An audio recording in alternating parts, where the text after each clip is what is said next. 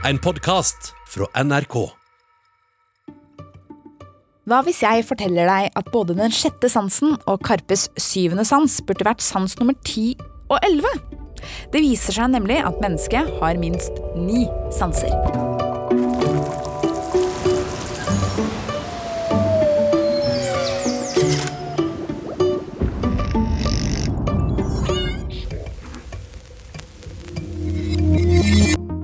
Hei og velkommen til en ny episode av Smartere på ti minutter, der jeg, Selda, forteller deg om fakta, vitenskap, historie og andre morsomme temaer som gjør deg nettopp det, litt smartere på maks ti minutter. Can you believe her? Wearing a dress like that?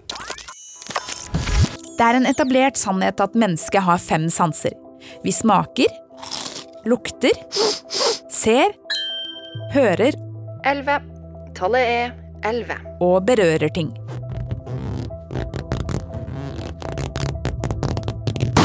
Aristoteles var den første som skrev ned dette. Og selv om han var en briljant fyr, mente han også en del litt funky ting. Blant annet lærte han bort at vi tenker med hjertet, og at bier oppstår i råtne oksekadavere, og at fluer bare har fire bein. Jeg mener, har han sett en flue? Med andre ord er det lov å være kildekritisk, selv om Aristoteles står oppgitt som kilde. Og så må man jo huske på at han levde for over 2000 år siden.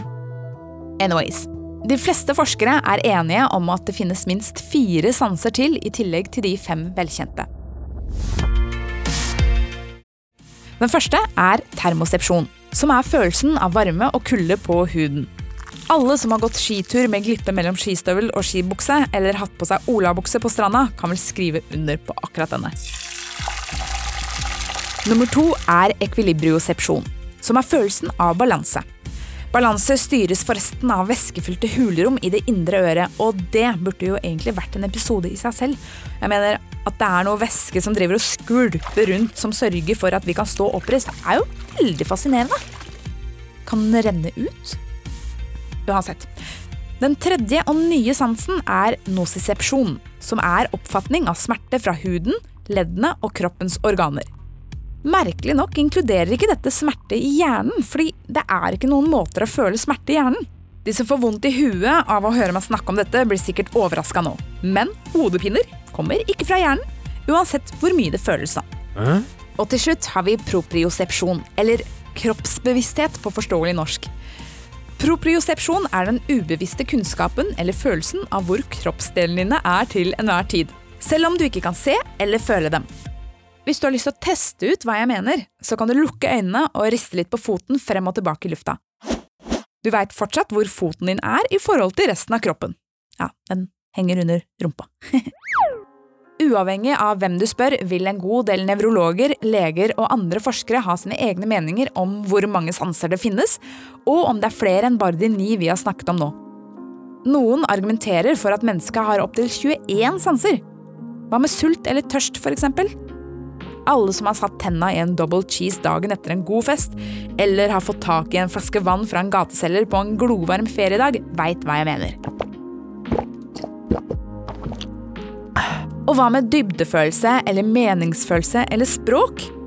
Kan man kalle det å gå hjem fornøyd etter en arbeidsdag, eller det å føle at man betyr noe for noen andre, for en sans?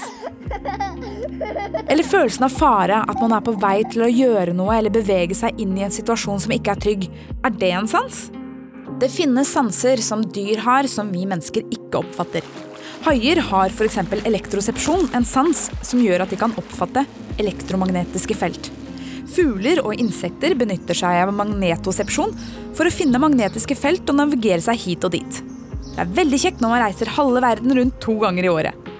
Eksempel, de tilbringer jo vinteren i Nord-Afrika, og det må være litt slitsomt å stoppe hele tiden for å spørre etter veien på vei ned dit.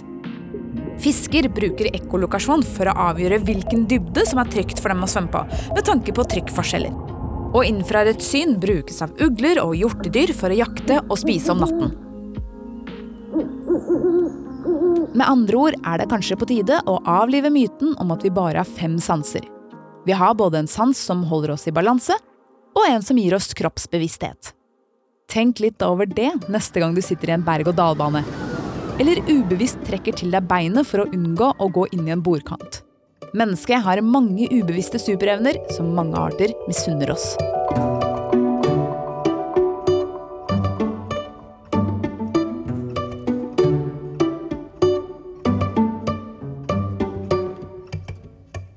Du har hørt en podkast fra NRK. Hør flere podkaster og din favorittkanal i appen NRK Radio.